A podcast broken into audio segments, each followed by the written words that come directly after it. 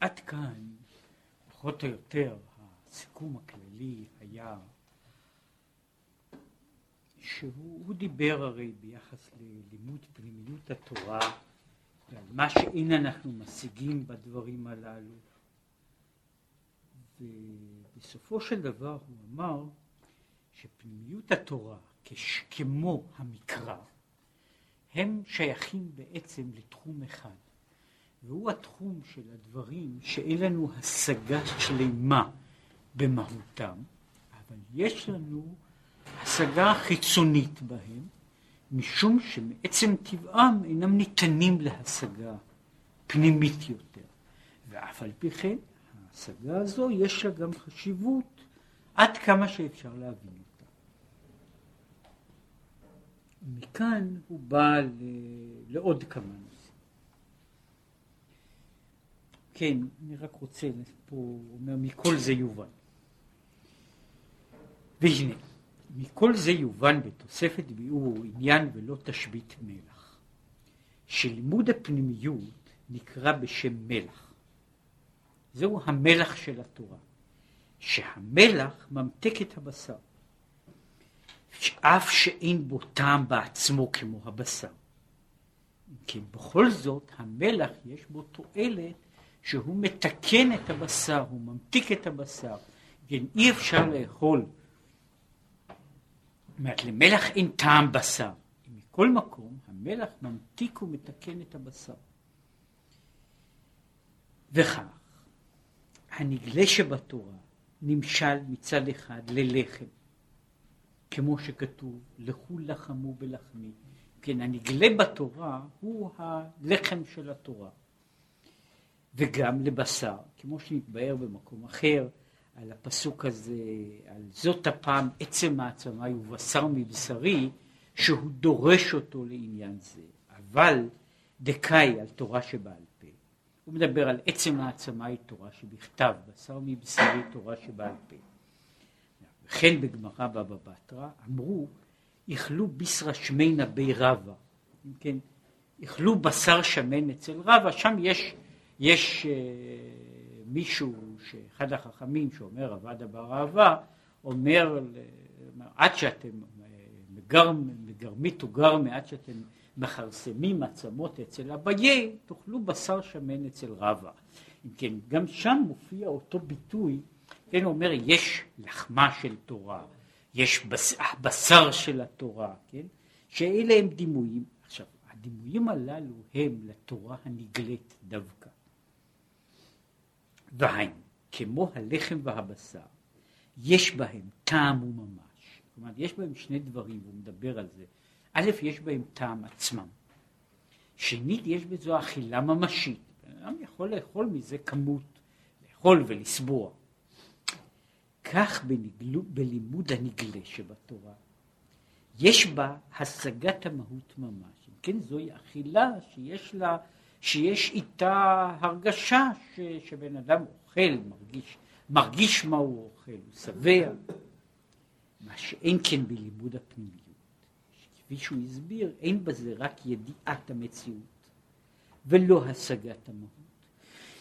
והמהות נסתר ונעלם, ואינו מושג כלל להיות בבחינת טעם ממש כמו הנגלה, עד לעתיד לבוא שיתגלה פנימיות התורה. כן, זה, זהו מאמר מוסגר לגבי העניין של העתיד לבוא, שהוא מדבר על זה שתתגלה פנימיות התורה. מישהו אומר שבמובן מסוים, מדוע אין אני משיג כעת את התורה? מדוע אין אני משיג כעת את התורה? משום שהתורה, התורה שאני uh, לומד, עוסקת בדברים שאין אני מבין את מהותם. ולכן אני לומד לימודים שבעצם לימוד הפנימיות הוא לימוד מחוצן מבחינה זו שהתוכני מהויות הדברים אינם ניתנים להשגה בעיניי. אבל, גיסא, יש גם צד אחר. והוא הצד שמדוע כעת לימוד הנגלה שבתורה הוא ברור לי? משום שגופי הדברים הם דברים, גופי הדברים בתורה הנגלית, הם דברים שאנחנו מכירים אותם בהכרה אישית, ראשונית, בעצמנו. ולכן, מה שאנחנו עוסקים בנגלה הוא למעשה, אנחנו דנים על דברים שאנחנו לפחות את גופי הדברים אנחנו יודעים. יכול להיות שהאדם איננו יודע את כל ההלכות, מה בדיני בשר וחלב. אבל להבין מה זה בשר ומה זה חלב, זה אפשר להבין גם בלי ללמוד את כל הפרקים וההלכות הללו. וכיוצא בזה בעניין שברים או פרות או זרעים או שאר הדברים. ואגב, אז רק כהערה בלבד, זה דבר מפורסם אלה שעוסקים בלימוד התורה, שיש נושאים מסוימים שהם פחות, הרבה פחות נלמדים והרבה פחות, ולימודם היה תמיד פח, פחות אה, משמעותי. למשל, במשך שנים רבות לא למדו למשל סדר זרעים. גם את הגמרות בסדר זרעים. עכשיו, אחת הבעיות שבזה הייתה שלגבי, בשביל אנשים רבים, וזה נכון גם היום במידה שאדם לומד על הדברים הללו. כלומר, יש מסכת שלמה שעוסקת בכלאיים, והיא מסבירה שמין פלוני מין פלוני הם כלאיים. אבל שאינני יודע מהו זה ומהו זה, אה, הלימוד נעשה הרבה יותר מופשט. זאת אומרת, אני אומר, יש דבר א' ודבר ב', וזה נעשה לימוד שמבחינה זו של ההפשטה שלו, הוא נעשה לימוד כמו בלימוד הנסתר.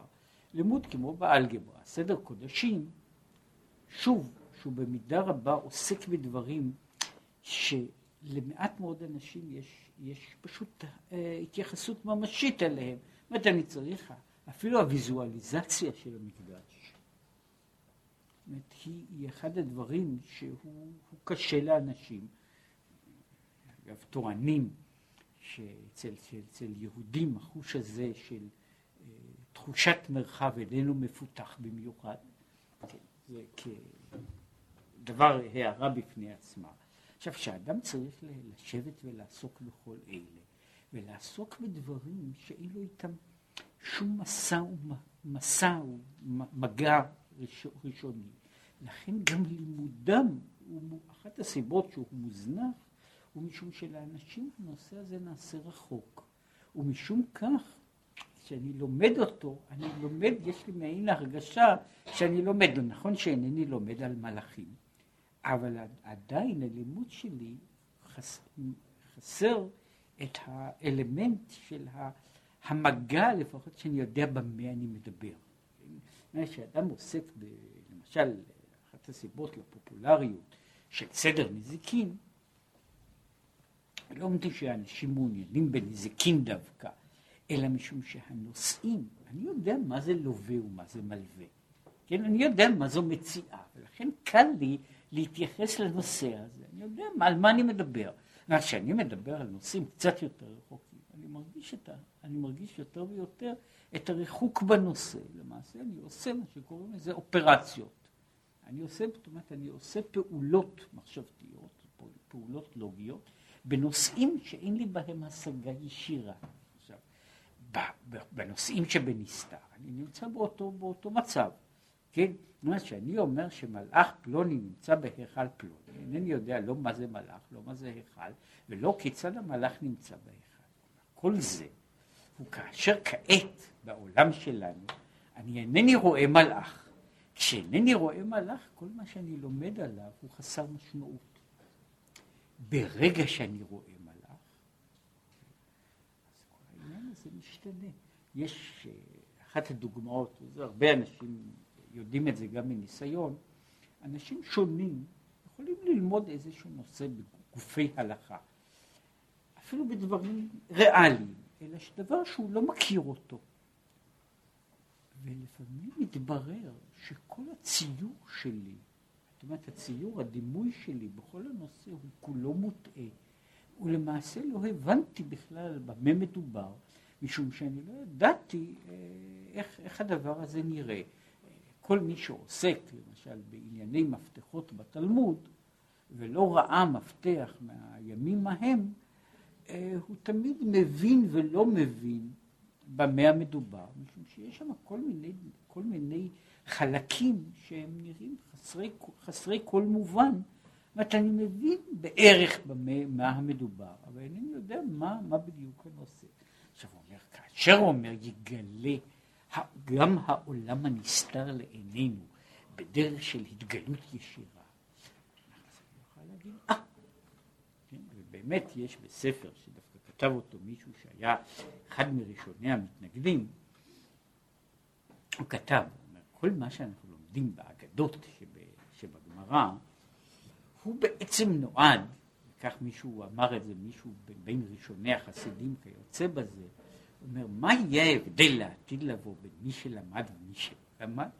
מי שלמד יוכל להגיד, אה, זהו זה שלמדתי לפני כך וכך אה, דורות, גלגולים, שנים, כן, זה היה הנושא. זאת אומרת, וזה בעצם הנושא שיש בין, זאת אומרת, מה קורה, אה, נאמר אצל בן אדם שקרא משהו לא בדיוק אותו דבר, משום שהדימוי הוא לא אותו דימוי. מישהו קורא ספר מסעות, מדינה רחוקה, כן? והוא יודע על הדרכים ועל הכבישים, והיו אנשים כאלה שידעו דברים כאלה יפה. עכשיו, הלימוד הזה הוא בשבילו לימוד לגמרי מופשט. כן? כשהוא מגיע למקום, בכל זאת הוא עכשיו מתמצא. כן? אה, פעם סיפר איזה אה, אדם אחד שהיה פילוסוף ידוע בארץ, גם בארץ, הוא חי בשוויץ, בעיקר קלצקי. אה, הוא היה בנו של אחד, ה, אחד מגדולי הרבנים בזמנו.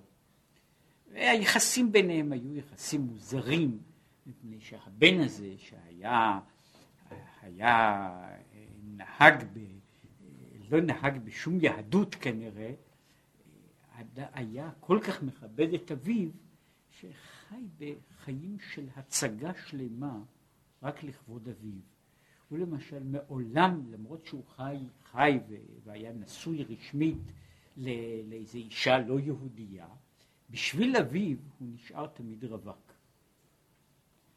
אה, הוא היה, כשהוא היה מגיע לאביו לפולין, הוא היה, הוא היה מגדל קצת את זקנו, כדי שהאב לא יהיו לו, זאת אומרת, היה יחס מעניין ביניהם, והבן שכתב הרבה, כמה וכמה ספרים על פילוסופיה, אה, מאוד אה, העריץ את האב הזה, למרות שלא הלך בדרכו. הוא סיפר שיום אחד הוא, הוא מגיע לאביו, והוא מספר לו שהוא היה בניו יורק וכך וכך עשה. עכשיו, האב היה בן אדם עם ראש יוצא מן הכלל, והיו, הוא הגיע בסוף ימיו לירושלים, וסיפרו עליו כל מיני, כל מיני סיפורים על התפיסה היוצאת מן הכלל שלו. כל מיני סיפורים שהם, אה, אני משער שהם גוזמאות, אבל הם עדיין מראים איך התייחסו אליו.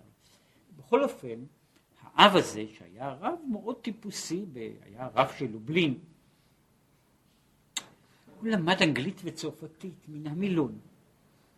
הוא היה קורא בכל יום את הטיימס ואת הלמונד, למרות שבוודאי לא ידע לדבר מילה, אבל הוא פשוט למד את המילון. והבן סיפר לו, כשהוא היה בניו יורק, סיפר, הוא שואל אותו, איך נסעת? הוא נסעתי, סיפר, עברתי בתח... מתחנה, מרכבת תחתית זו לרכבת זו, ואז אומר האב, עשית טעות. אילו היית יורד שלוש תחנות קודם, היית יכול למצוא קשר, קשר יותר טוב. איך זה היה? האב קרא פעם את המפה, מפת הרכבות התחתיות של ניו יורק, מכיוון שהיה לו כנראה זיכרון שלא איבד שום דבר, הוא זכר שכדי להגיע, נאמר, מקו, ממקום זה למקום זה, צריך לרדת בתחנה מסוימת. עכשיו, מה שאני רוצה לומר, שהאב מעולם לא היה בארצות הברית. עכשיו, הוא למד את, רכב, את מפת הדרכים בלי לדעת איך נראית רכבת תחתית. זאת אומרת, רכבת תחתית היה בשבילו מושג שבדיוק כמו שמסתכלים במפ, במפות שיש לנושא הזה, קווים כאלה שנפגשים ממקום למקום. עכשיו, הוא ידע את כל זה, אבל הוא לא ידע איך נראית רכבת. עכשיו, זהו סוג של השגה שגם מה שקוראים המקובלים החשובים, יש להם השגה בו בענייני הנסתר. הם יודעים את כל לוח הרכבות, כן? אבל אינם יודעים איך הדבר הזה, איך הדבר הזה נראה בפועל. ללימוד הזה, אומר, לכן יש ללימוד הזה הרגשה של זרות, ואין בו הבנה פנימית בסיסית. עד, עד שאני אגיע למקום. כשאגיע למקום, אז אני, אז אני, כל הלימוד שלי מתחיל אז לקבל משמעות. אבל לפי שעה, אומר, זה לא ככה. ולכן, נמשל לימוד זה למלח. כאן מה שהוא רוצה עכשיו להוסיף, וכאן מתחיל לדבר על העניין הזה, על מעלת הלימוד. שאם היות שאין בו טעם, עם כל זאת, הוא דייקה הנותן טעם בבשר. זאת למרות שלמלח בעצמו אין טעם, במובן הזה שאינני יכול לשבת ולאכול מלח, כן? אבל בלי מלח בשום, בשום דבר לא יהיה טעם, כן? מתן הטעם הוא, המלח הוא זה שנותן טעם, למרות שכאילו הוא בעצמו הוא חסר טעם מבחינה זו. וזה שאמרו רז"ל בעבוד רבי נתן, לכן הוא גם כן במדרש רבה, הם אומרים ככה, כל מי שיש בידו מדרש ואין בידו הלכות, לא טעם טעם של חוכמה. אם כן, ההלכה היא הטעם טעם של חוכמה. מי שאין בידו הלכה, לא טעם טעם של חוכמה. כל מי שיש בידו הלכות ואין בידו מדרש, לא טעם טעם של יראת חטא. פירוש. עכשיו זה לפי מה שהוא מסביר, מה ככה? שההלכות נקראות טעם של חוכמה, לפי שבהן ועל ידן מושג המהות של חוכמתו יתברך, שנתלבשה בהלכה זו. מה שאין כן בלימוד הפנימיות, הנקרא מדרש, אין מושג המהות ממש, ולכן נקרא שלא טעם טעם של חוכמה. כלומר, פירוש המהות ממש. זאת אומרת, האיש הזה שעוסק, והוא הסביר את זה, שגם האגדות, אגדות חז"ל, הם חלק מהלימוד הזה שהוא מגדיר אותו בתור השליש במקרא. ואומר, אדם שלומד את הדברים הללו, גם אם הוא יודע אותם, הידיעה שלו היא עדיין לא מגיעה לטעם של חוכמה. הטעם של חוכמה שיש בלימוד של מה שקורא לזה, של התורה הנגלית, הוא טעם אחר לגמרי, שכל סוג ההבנה שלו הוא אחר.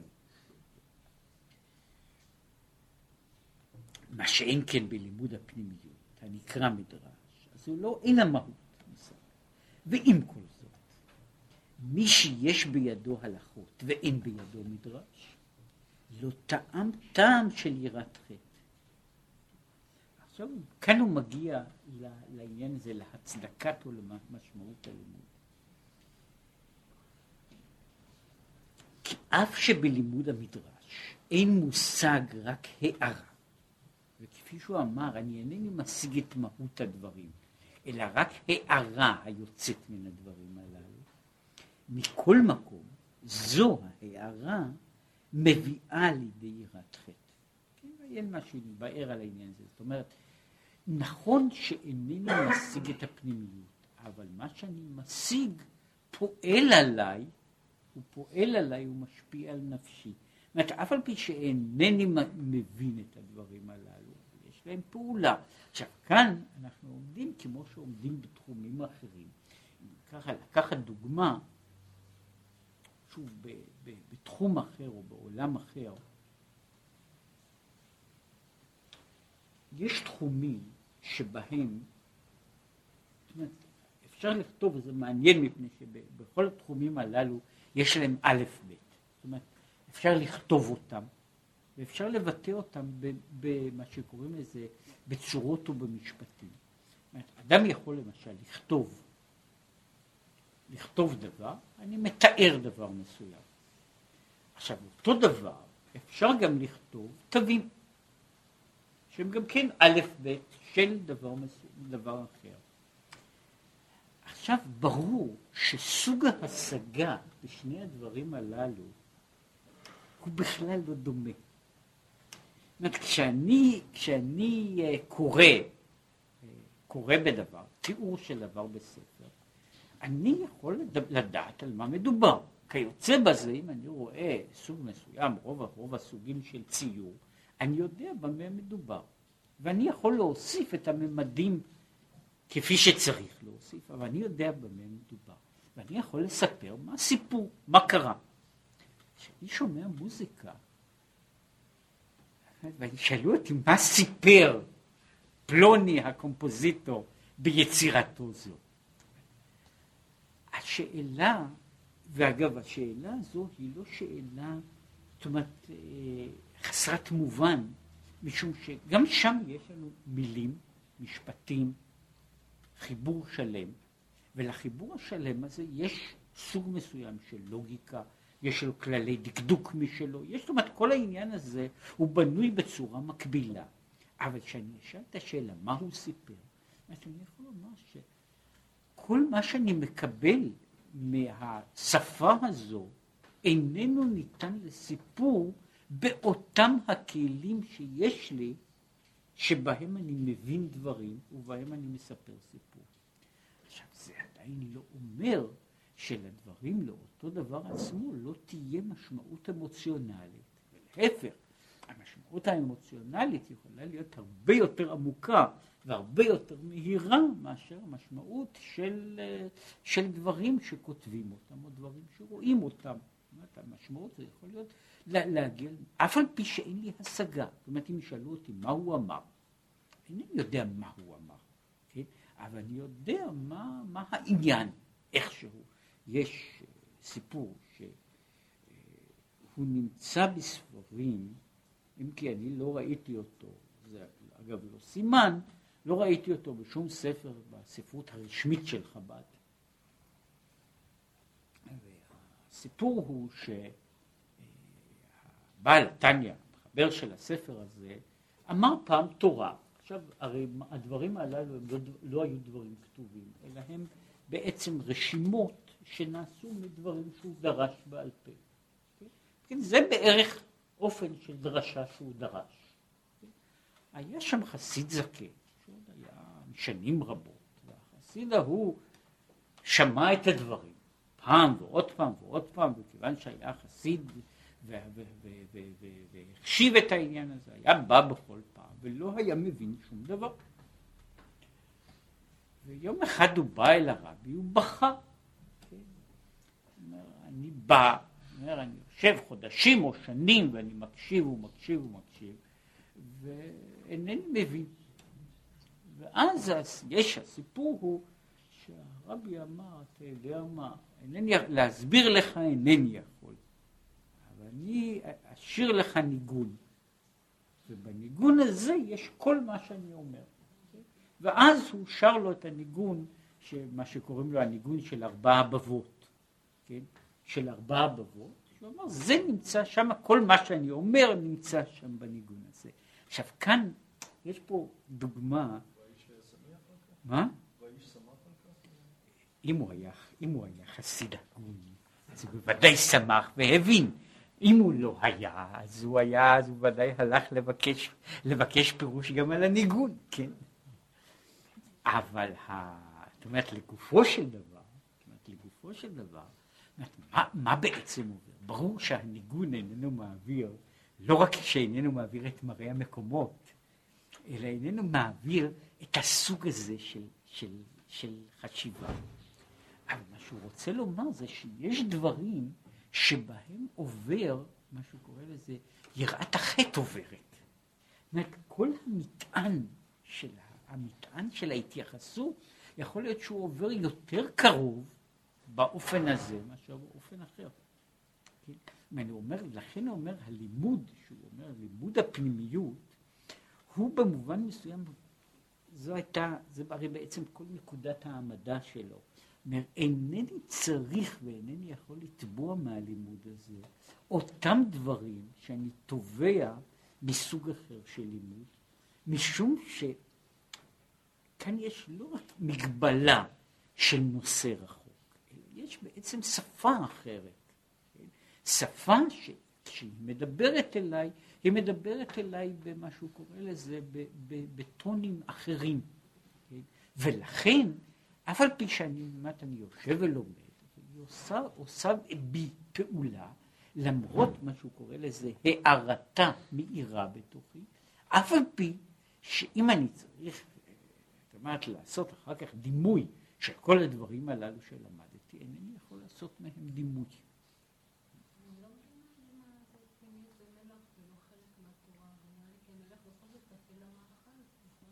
הוא עוד מדבר, הוא עוד ידבר, המאמר הזה אמרתי, הוא מאמר ארוך, הוא, הוא עוד הולך ככה עוד... כן. אחר כך הוא, הוא, הוא עוד כאן. אם כן, הוא אומר, אה, זהו העניין של...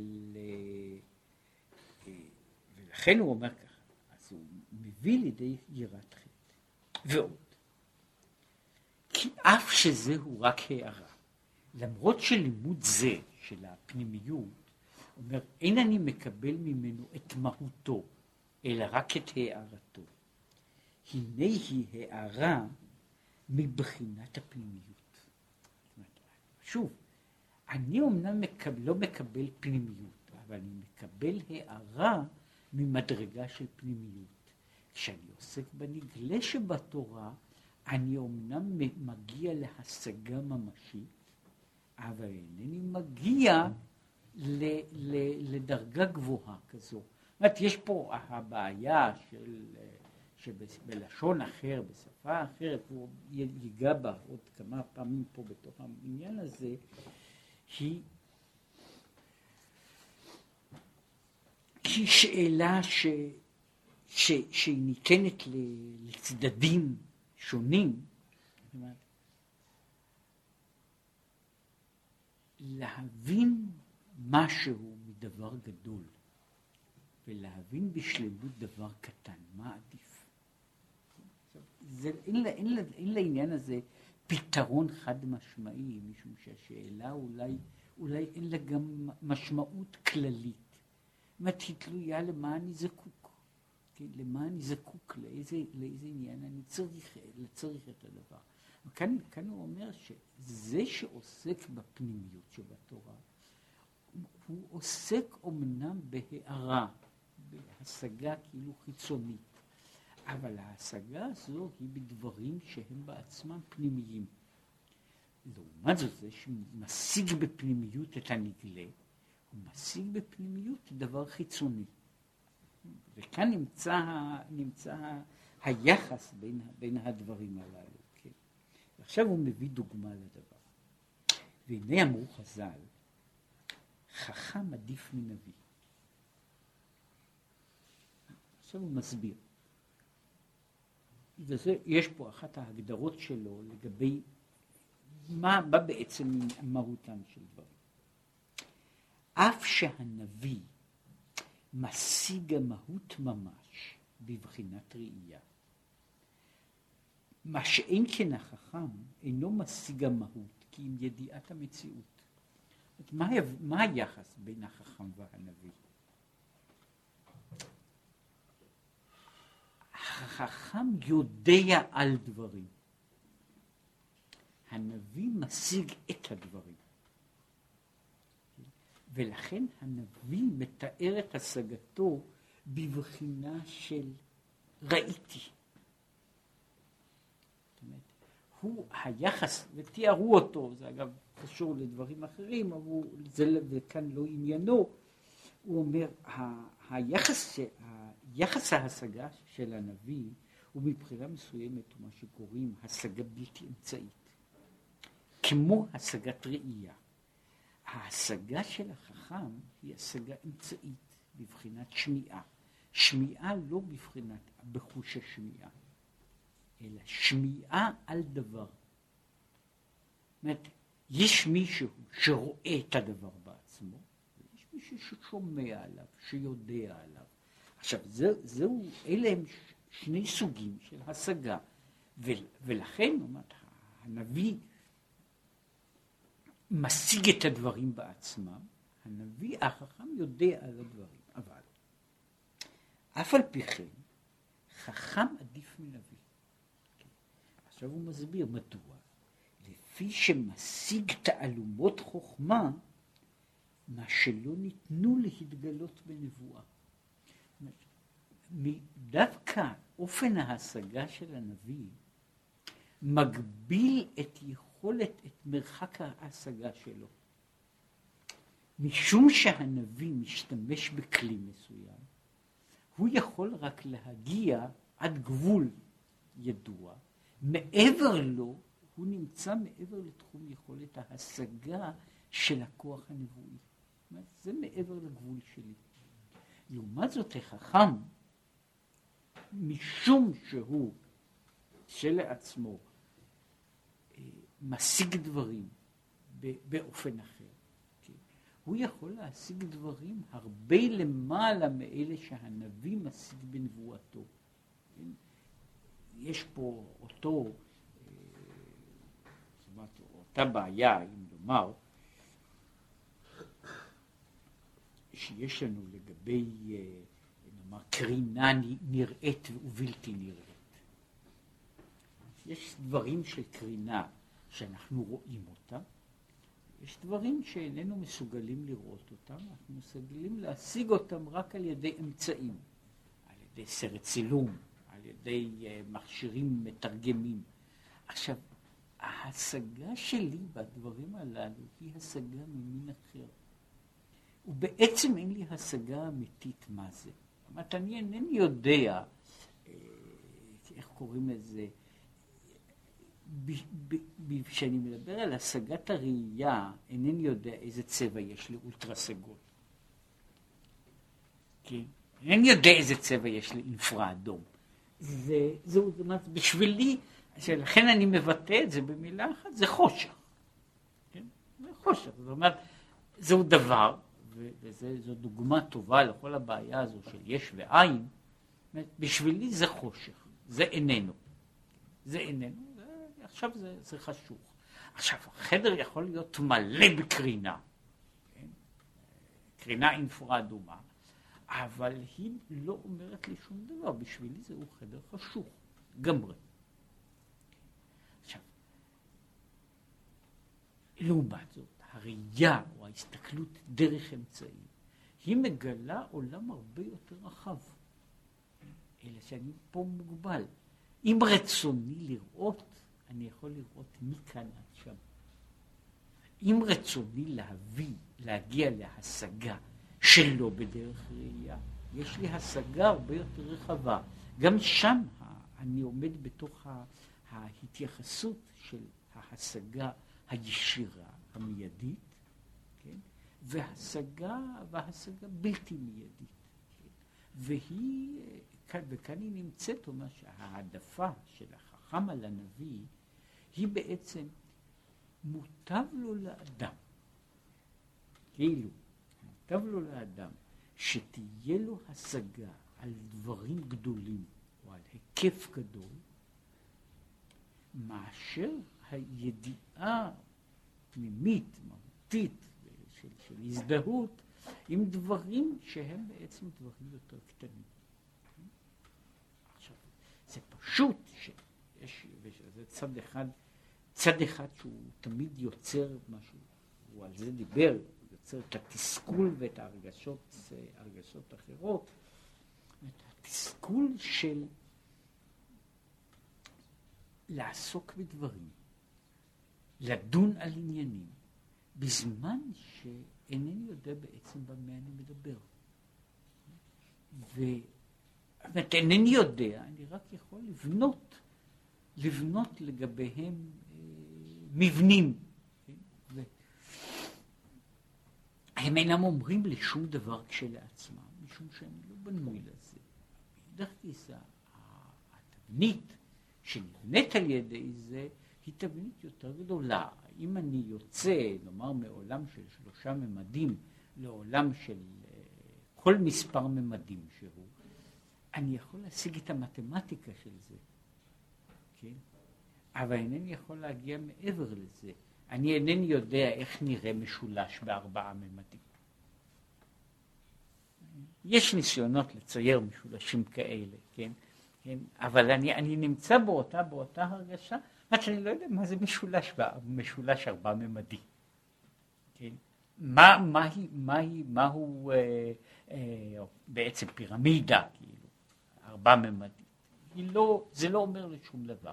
אבל אני יכול לבנות עולם שלם שהוא הרבה יותר גדול מאשר העולם של השגתי המיידי.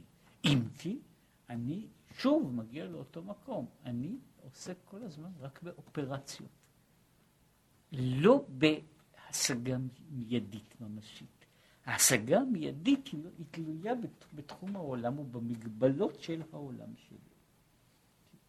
אם כן, אף הערה מבחינה עליונה, יש בה מעלה יתרה מהמהות שבבחינה שלמטה. כן? והוא עכשיו מאיר, היי גבל נתבאר בעניין מצוות לא תעשה ומצוות תעשה, שהוא הרי דיבר שבמצוות לא תעשה, מצוות לא תעשה הן מצוות שליליות. המצוות, מצוות לא תעשה, הן מצד מסוים נחשבות מצוות יותר גדולות מאשר מצוות תעשה. אבל משום שאי אפשר לבטא אותן באיזושהי דרך פוזיטיבית, לכן הן מתבטאות רק על ידי, על ידי שלילות. אם כן, אין לי מושג פוזיטיבי של המצווה הזאת, כן? אלא רק מושג עקיף מאוד, שהוא רק בא על העניין הזה של, של הגדרות, הגדרה שלילית. אף על פי כן המצוות הללו הן גבוהות יותר, משום שהן גבוהות הן עומדות פה.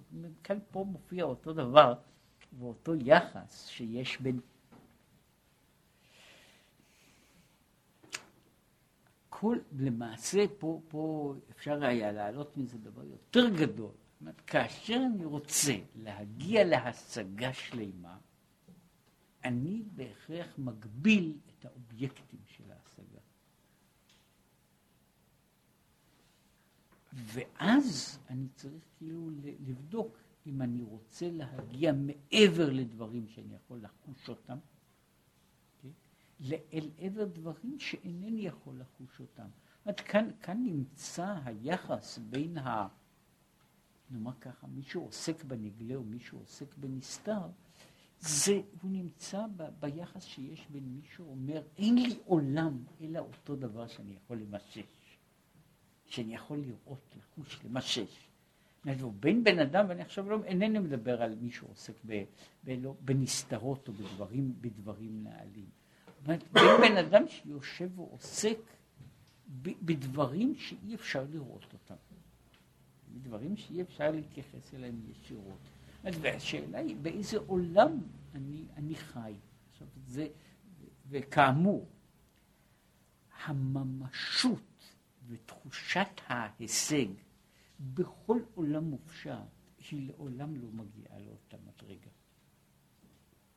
וזה לא משנה מהו העולם המופשט הזה, אם זה עולם של, של אה, עולם תת-אטומי, או שזה, או שזה אה, עולם מתמטי, או עולם קבלי, זה עולם שאיננו ניתן להשגה מיידית, וכל מה שאני לומד בו הוא עדיין מרוחק ומנותק.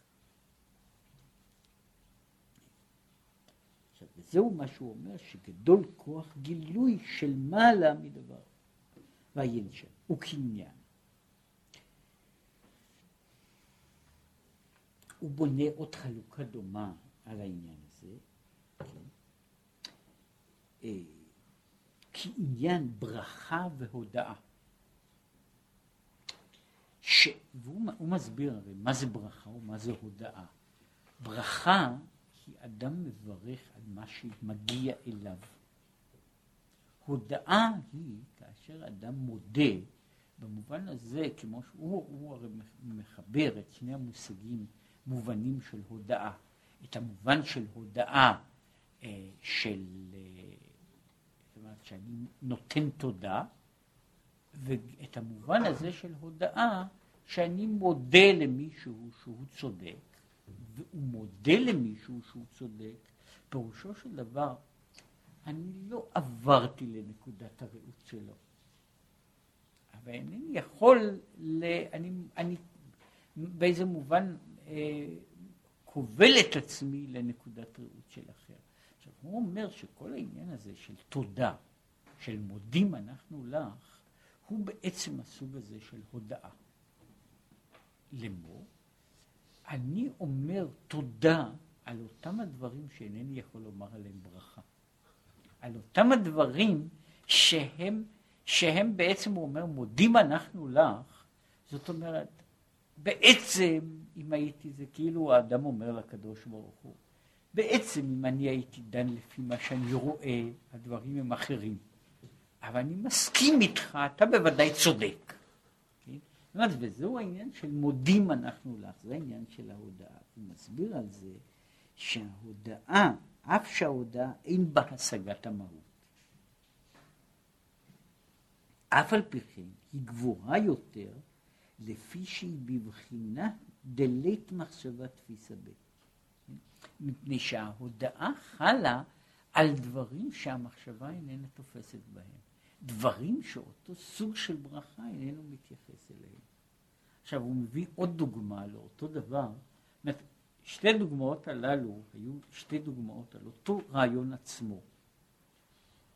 השגה חיצונית או השגה משנית בדבר גבוה נחשבת לדבר גדול יותר מאשר השגה, השגה מאוד פנימית ומהותית בנושא שהוא בכל זאת נושא, נושא נמוך יותר. גם על דרך. שאמרו חז"ל שיש לאדם ברירה בין אבידת להחזיר, אבידת אביו ואבידת רבו, של רבו קודמת. אף שמהאב נמשך בו המהות ממש, שהטיפה היא מהמוח והעצמיות ממש. מת, הרי האב נותן לבן את, את עצם מהותו. זו נתינה של מהות וזו קבלה של מהות. מה שאין כן אומר מהרב, אין נמשך בו מהות ועצמיות ממש, רק הארת השכל המלובש בדיבור. בסך הכל מה שהרב נותן, הוא איננו נותן את עצמו. יש הרי צד שהאב נותן את עצמו, האם נותנת את עצמה. הם נותנים חלק מהאישיות שלהם, וה, והילד הוא בנוי על, ה, על החלק הזה של האישיות, של, של המהות עצמה. הרב איננו נותן את מהותו, הוא נותן חלק מסוים, מה שהוא קורא לזה, ולא את המהות, משום שהגדול והטוב ש, ש, שבמורים איננו יכול אלא להעביר את מה שהוא יכול להעביר מהשגתו, אבל הוא איננו יכול. לשתול באחר את ההשגה שלו. זאת אין פה מעבר של מהויות, אלא יש רק מעבר חיצוני של השתקפות. כן? מה שהרב נותן הוא השתקפות של, של מהות, של חוכמתו בתוך דבר. אף על פי כן, העובדה שמקדימים את הרב לאב, שייכת לעניין הזה. אף על פי כן, זו ההערה שהוא התורה, גבוה, שהיא התורה, גבוה מעצמיות החוכמה שבנפש. אם כן, המתנה הזו שנותן הרב, נותן את התורה, היא נחשבת למתנה גבוהה יותר ממתנת הנפש עצמה שנותן האב. כי אף על פי, אף על פי שההשגה שאני משיג, או קשר המהות שלי הוא שונה לחלוטין, וקשר המהות שלי עם הרב הוא קשר מהות חיצוני, הזדהות פנימית. וקשר המהות עם האב הוא קשר פנימי יותר. מכל מקום יש כאן העדפה. עכשיו, שלושת, שלוש הדוגמאות הללו באו בשביל להראות שגם מה שאינני יכול, דבר גדול שיכול להשיג אותו, ולו גם השגה חיצונית, ההשגה הזו נחשבת לגבוהה יותר, לבעלת חשיבות יותר, מאשר השגה שלמה, גמורה, בדבר שאני יכול להבין את מהותו בשלמות. עכשיו הוא מדבר עכשיו על... עכשיו הוא עובר לנושא קצת אחר באותו דבר. הוא אומר כך: במסכת סופרים, פרק ט"ו, מובא, מבואר, דהמקרא נמשל למלח. כן, עתי שפיר זה, זה עולה יפה גם כן, על פי מה שנתבאר לאל, משהו, כמו שהוא הסביר, הוא אומר, גם המקרא, המקרא והאגדה וה, והקבלה, הם כולם תחום אחד, שהוא קורא לזה, זה התחום שכולו נמשל למלח. כן? מה שכוחו ועניינו הוא באופן אחר. עכשיו, הוא עובר לעוד צד אחד, על ברית מלח. כן? הרי זה, זה ההתחלה של המאמר. ולכן נקרא המלח גם כן ברית אלוקיך. כן?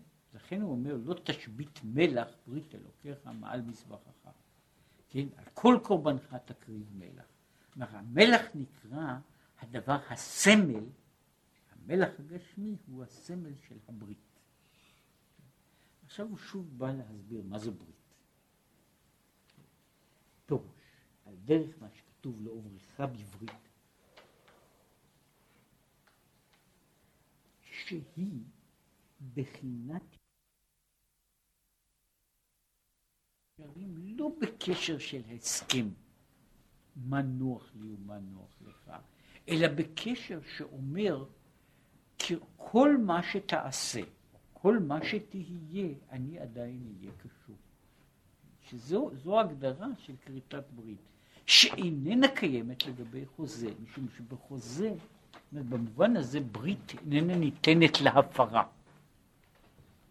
חוזה ניתן להפרה או לשבירה, ובמובן זה או אחר בחוזה, תנאי ההפרה של החוזה, בצורה זו או אחרת, כתובים בתוכו. אני עושה הסכם שהוא בנוי, נאמר אה, אדם אחד הוא עשיר ואחד הוא עני, אחד מספק דבר מסוים, השני מספק דבר אחר. אני מפסיק לספק את מה שאני סיפקתי, החוזה הזה נשבר, נגמר. עכשיו, בכריתת ברית, כריתת ברית אומרת שלא משנה מה יעשו הצדדים, כן? הברית עדיין נשארת, כן? זאת אומרת, זה לא רק כריתת הברית בעצם היא מין הסכם ללא תנאי.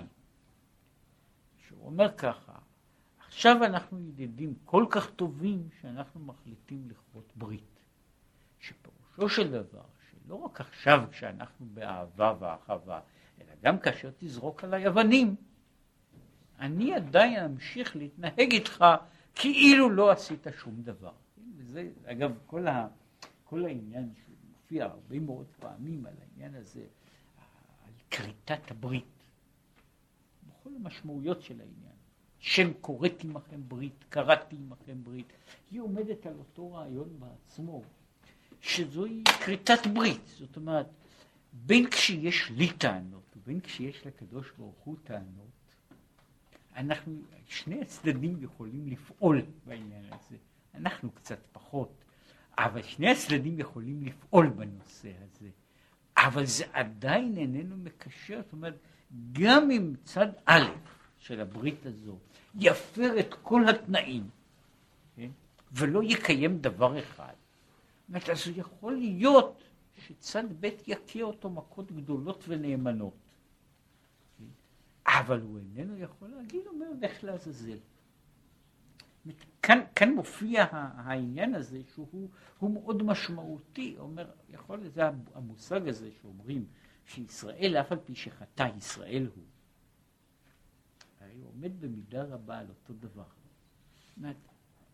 יש ישראל, שהוא ישראל, ישראל עבדי אתה, עבדי אשר בך את פער. הישראל הזה יכול להיות חוטא, וישראל הזה יכול להיות, אה, יכול להיות בריאה שפלה לגמרי. אומר, הוא עדיין ישראל. כן, זאת אומרת, זה, את, ה, את, ה, את הקשר הזה, שהוא קשר הברית, הוא איננו יכול לנתק. כן? הוא יכול, הוא יכול, אומרת, לא לקיים את תנאיו, משום שיש לו בחירה. אבל הוא איננו יכול לנתק את, את מהות הברית. כן? שזה אגב, המושג הזה של ברית מילה, שהוא מודגש דווקא בצורה הזו, כן? הוא עומד מקבל חלק גדול מה, גם מהמטען האמוציונלי שלו, כל מיני מטענים, בכל מיני דרגות, אבל חלק גדול מהמטען האמוציונלי שלו הוא בזה שהוא ברית. זאת אומרת, הוא יוצר קשר שאיננו נמחק. כן? אני יכול להבטיח, אני יכול למלא קריסי בתורה הרבה, כן? אבל היחס הזה לא יוצר ברית. כן? אני יכול לעשות כך וכך דברים, הוא איננו יוצר ברית. הדבר הזה יוצר ברית, כלומר הוא יוצר קשר בלתי, בלתי מנותק. זו אגב אחד הטעמים שמסבירים שמשום שהוא יוצר ברית, הוא איננו נזקק לזה ש, שהצד של הברית, צד אחד של הברית, יהיה מודע למשמעות של מה שהוא עושה. משום שבעצם כל המושג של ברית הוא מושג לא רציונלי. ברית היא סוג מסוים שהוא תמיד הוא בלתי רציונלי. הוא אומר בכל עתיד שיהיה, אנחנו קשורים. ולכן כל מי שקורא את ברית עושה למעשה מעשה שהוא לא רציונלי. חוזה הוא מבנה שבנוי על זה, על כמה שאני מבין, כמה שאני מה, אני משיג, באותו דבר אני ממשיך הלאה. לגבי כריתת ברית, פירושו של דבר, אני אינני מבין ואינני משיג, אבל זהו, יש סוג מסוים של קשר שאינני יכול לנתק אותו. זהו קשר ברית. כל העניין הזה של, של הברית עומד על העניין, וזה קשור בכמה וכמה אופנים של, של תפיסת הברית. עכשיו הוא שוב מדבר על זה, שזו, שזהו העניין של המלח, שהוא מלח ברית. זאת אומרת, המלח הוא אה, הסמל לברית, לדבר הזה שהוא אולי בלתי מושג, בלתי מושג, אבל עדיין יוצר קשר יותר עמוק מאשר הקשרים המושגים של דברים אחרים. עכשיו, אני רק רוצה לקרוא פה עוד דבר. והמשכת אהבה רבה זו בנפש של הברית נמשך על ידי עסק התורה, כמו שנתבהר לאל שעל ידי עסק התורה מתקשרת הנפש באור אינסוף ברוך הוא הסובב כל העניין. פי זה יש לפרש מאמר חז"ל מסכת חגיגה על פסוק הקוטפים מלוח עלי שיח. כן, באחד הפירושים שיש שם, יש שם הרבה פירושים, הוא שפוסקים מדברי תורה ועוסקים בדברי שיחה. הרי שדברי תורה נקראים מלוח. ועיין מה שכתב בזה רש"י, שרש"י מנסה לדרוש מלוח במובן הזה דבר שבא מן הלוח. אומר, לפי מה שכתבתי, יש להבין כפשוטו. כן? אז יש להבין, הוא אומר, התורה נקראת מלוח, מפני שזה אחד, אחד הסמלים של התורה, הוא אותו המלח. וזהו גם כן עניין מאמר חז"ל, בפרק ב' בשבת, שאומר שם כך, שאדם בא לדין, שואלים אותו כמה שאלות. קבעת עיתים לתורה, פלפלת בחוכמה, כן? ונשאת ונתת, השאלה הראשונה היא אגב, אם נשאת ונתת באמונה, כן? זה מעניין, ש, שזו השאלה הראשונה ששואלים בן אדם ב, ביום הדין, כן? קודם כל אם נשאת ונתת באמונה, כן? וזהו מבוסס על הפסוק, והיה אמונות איתך חוסן ישועות חוכמת ודעת. כן? וזה שואלים אותו כאילו שאלות לפי הסדר. סוף הפסוק, והיה אמונת איתך חוסן ישועות חוכמת ודעת, יראת השם מאוצרו. והגמרא ממשיכה ככה, אחרי ששואלים את האדם את כל השאלות הללו, אם נשאת ונתת באמונה, קבעת עיתים לתורה והלאה, אפילו הכי, אפילו כך, נניח שהוא עונה בחיוב על כל השאלות, אם, אם יראת השם מאוצרו, אם כן, היא לא, לא. אחרי כל הדברים האלה, בן אדם יכול לענות שהוא נשא ונתן באמונה, שקבע עתים בתורה, שפלפל בחוכמה, שעסק בדעת, ש, ש, שעשה את כל מה שצריך לעשות. אבל אם חסרה לו יראת השם, אז הוא אומר, אז כל זה לא נחשב. אז כל זה לא נחשב, זה, זה, זה, זה סתם ככה עיסוק. שם הגמרא מביאה משל לאדם שאמר לשלוחו, העלה לי כור חיטים לעלייה. צריך להעביר כמות גדולה של חיטים. הלך ואליי, אמר לי, ערבת לי בהן קו חומתי? אמר לי, לא. עכשיו, הוא, הוא אחר כך מסביר, ש, שרש"י מסביר, שהחומתים האלה זו אדמה מלוכה, שעושים אותה, והוא עוד ייגע בעניין הזה, שעושים אותה בין השאר כדי אה, ש, שחרקים, אה, תולעים, לא יפגעו בתבואה, לשמר את התבואה. ולכן הוא אומר ככה, אם אתה מעלה את, הקו, את החומתים שם, את החיטה עם החומתים, בסדר. אם אתה מעלה את החיטה בלי החומתים, אז מוטב שלא העלית. ומדוע? מפני שבסופו של דבר, אומר, כל מה שיהיה לי זה יהיה ערימה של רקב. כן? ופה הוא מדבר על זה שהחלק הזה של יראת השם, הוא לא חלק מתוך הדברים, אלא הוא נותן את המשמעות לשאול לכל שאר החלקים. מפני שאחרת הוא אומר, אז יש לו שם מה הוא יעשה עם, עם, עם טון של מה שקוראים לזה, של תולעים. שזה מה שיכול להישאר אחרי כל הדברים הללו, זאת אומרת, זה מה שיישאר אחרי כל, אחרי אלה. עכשיו הוא מסביר קצת במשל, הנמשל, בעניין. כי עכשיו הוא מסביר, מסביר את המשל על דרך, אה, מה ככה? כי חיטה היא כ"ב עטבן דאורייתא. חיטה היא כ"ב אותיות התורה, זה הולך במקרה הזה, הוא לא נכנס פה לכל אורכו ורוחבו, הוא עניין של אה, הגימטריה של חיטה, שהוא כ"ב, כן? שהוא כ"ב. אומרת, חיטה היא הכלל של התורה, ולכן מתן תורה הוא בשבועות, שהוא ביקורי קציר חיטים דווקא. כמו שנתבהר, קו חומתי, פירש רש"י שהוא ארץ מלאכה. והוא עניין ולא תשבית מלח. זהו לא תשבית מלח, מלח ברית אלוקיך מעל מזבחך, על כל קורבנך תקריב מלח. אומר, אותה, אותה, אותו קו חומתים הוא חיוני בשביל, כל, בשביל, בשביל התבואה, זהו המלח שהוא חיוני לכל קורבן. עכשיו, זהו שנזכר, פה, פה הוא נכנס שוב לדקדוק במילים הגמרא. הגמרא שם אומרת, ערבת לי בהן קו חומתי, דתיבת לי מיותר. אבל בעצם היה צריך להגיד ערבת או לא ערבת. אבל אומר, למה הוא אומר ערבת לי?